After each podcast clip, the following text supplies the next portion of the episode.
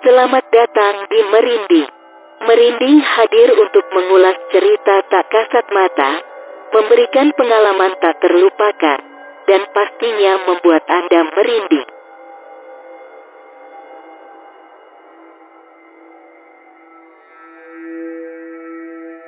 Dalam kehidupan ini manusia tidak hidup sendiri. Mereka hidup bersama makhluk hidup dan juga tidak hidup.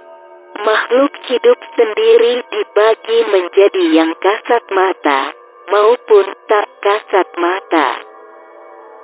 Setiap orang pasti memiliki pengalaman tak kasat matanya tersendiri, tak terkecuali penyiar era. Penasaran dengan kisah mereka? Mari kita dengarkan.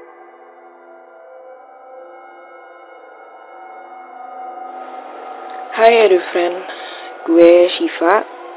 Ya gue salah satu announcer di RFM UNJ. Gue bisa mengudara dengan nama DJ Pascal. Sebagaimana penyiar yang lainnya, gue juga punya cerita horor nih yang bisa dibagiin ke lo. Cerita horor gue adalah uh, kejadiannya. Cerita horor gue kejadiannya itu pas gue kelas 2 SMP atau kelas 8. Udah lama sih ya emang. Tapi menurut gue ini pengalaman horor ini adalah pengalaman yang paling membekas di gue. Pertama karena gue jarang mengalami hal-hal supernatural kayak gini. Dan yang kedua, menurut gue ini menarik karena ini bukan pengalaman yang jarang. Mungkin mayoritas orang pernah ngalamin, mungkin lo sendiri juga pernah ngalamin. Jadi waktu itu kejadiannya pas gue lagi tidur. Oh ya bentar, gue akan mulai dengan uh, latar ya. Latarnya waktu itu gue ada di rumah, gue lagi di rumah gue, gue uh, sama nyokap. Nah kebetulan rumah gue itu uh, tingkat dua nih, dua lantai.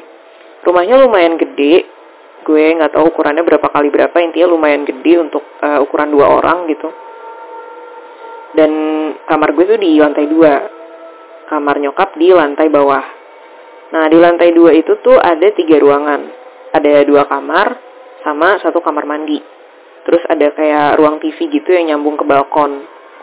Kamar gue ini letaknya di uh, apa ya, temboknya tuh nempel gitu loh sama ruang tamunya ini gitu. Dan kamar gue ini ada jendelanya, jendelanya tuh nggak pakai teralis, jadi benar-benar cuma ya udah langsung kaca gitu. Dan itu ngadep ke jalanan di komplek gue. Nah kebetulan posisi rumah gue ini tuh agak-agak tusuk sate. Buat edu friend yang nggak familiar dengan istilah tusuk sate, jadi tusuk sate itu tuh kayak rumahnya tuh di ujung jalan gitu. Jadi rumah lu tuh paralel sama jalan yang ada di depan jalan rumah lo. Kalau menurut Kilmon Feng Shui ini gue kurang tahu ya. Kalau yang gue denger gitu. Tusuk sate itu tuh eh, rumah yang rumah yang letaknya di tusuk sate itu tuh eh, apa ya energinya kurang baik kayak tempat yang ada di dekat kuburan misalnya atau tempat pembuangan sampah intinya tempat yang kotor atau tempat peristirahatan terakhir gitu kayak kuburan itu tuh uh, energinya kalau menurut Feng Shui itu kurang bagus. Memang rumah gue tuh nggak yang tusuk sate banget tapi lumayan lah gitu. Uh, agak-agak mepet agak-agak dekat ke ujung jalan posisinya. Nah waktu itu uh, gue lagi memberanikan diri untuk tidur sendiri karena biasanya gue uh, tidur sama nyokap. Bukan manja atau gimana cuma kayak emang males aja gitu gue di atas. And FYI gitu for information gue uh, gak indigo gue nggak bisa ngeliat. Tapi kalau misalnya apa ya hawa-hawanya nggak enak gitu atau kayak ada sesuatu itu tuh gue bisa ngerasain. Nah waktu itu gue bener-bener no reason aja gitu nggak ada alasan kenapa gue nggak pengen tidur di atas sendirian. Dan gue orangnya juga terbilang parnoan sih enggak tapi kalau misalnya disuruh sendiri ini gitu sendiri tidur apalagi gelap gitu tuh gue kurang kurang suka. Kurang suka lah ya gue bukan nggak mau. Tapi waktu itu gue cuma kayak ah udahlah kapan sampai kapan sih gue mau tidur berdua nyokap mulu? Akhirnya gue coba tidur sendiri di atas di kamar gue. Nah kamar gue ini posisi kasurnya tuh mepet ke tembok. Jadi kasurnya nyender ke tembok. Terus uh, posisi kepalanya itu tuh ngadep ke jendela. Jadi gue kalau tidur ngadep ke jendela. Di mana jendela kamar gue itu ngadepnya ke jalan yang paralel sama rumah gue. Jadi uh, sepanjang mata memandang tuh jalan lurus gitu loh sama uh, jalanan yang bentuknya lurus ya maksudnya. Sama rumah rumah tetangga. Nah gue waktu itu coba malam-malam mungkin gue tidur tuh sekitar jam sepuluhan kali ya atau setengah sepuluh. Terus gue matiin lampu terus gue buka hordeng uh, jendela gue jadi supaya masih ada cahaya lah dari luar dari lampu jalanan gitu. Udah gue tidur gue tidur nggak susah tuh kayak ya udah berasa ngantuk tidur aja langsung. Udah nih gue tidur tiba-tiba tengah malam gue kebangun. Karena dada gue berasa berat. Ini mungkin buat friend yang udah tahu istilah ini ya istilah di kitanya gitu. Istilahnya ketindihan. Iya gue mengalami itu. Atau kalau istilah modernnya sleep paralysis kali ya.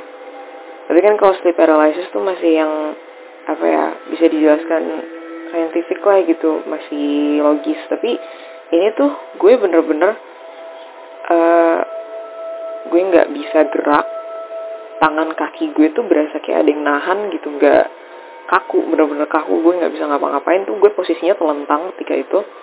Gue coba buka mulut juga gue nggak bisa dan gue coba apa ya gerakin pala gue karena gue tahu nih mulut gue nggak bisa digerakin kaki tangan gue nggak bisa digerakin. Terus bener-bener dada gue tuh rasanya ada yang nimpa gitu ada yang nindih berat-berat banget gue bener-bener nggak bisa gerak terus gue coba gerakin kepala gue nggak bisa juga. Aduh panik kan gue. Gue coba uh, posisinya waktu itu lagi nengok ke sebelah kiri. Yang mana kiri itu tuh bukan tembok jadi kasur gue tuh di tembok sebelah kanan kan nempelnya. Jadi di kiri tuh arah ke pintu lah pintu kamar gue.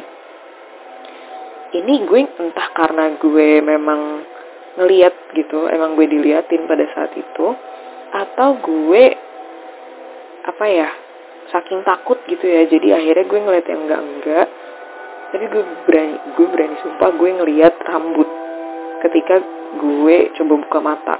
Itu gue ngeliat rambut dan karena kepala gue miring ke kiri jadi kuping kanan gue ya terpapar gitu dong ya. Nah itu ketika ketika gue ngeliat rambut itu tuh gue ngedenger suara kayak napas yang berat banget gitu.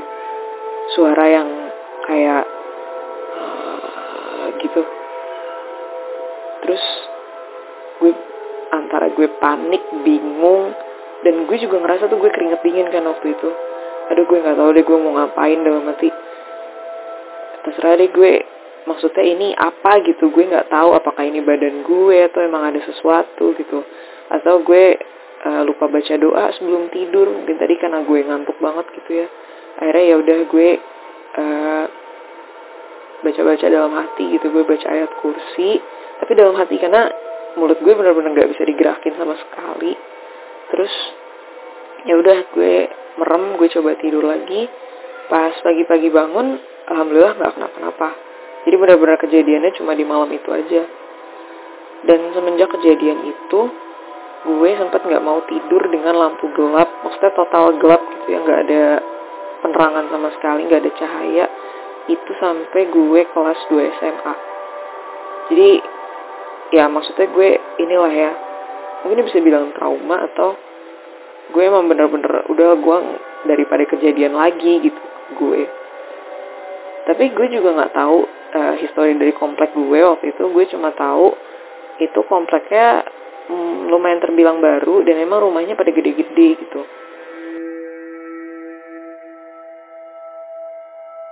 Setelah ini masih ada kisah horor penyiar lainnya, tetap di Merinding 107,8 FM.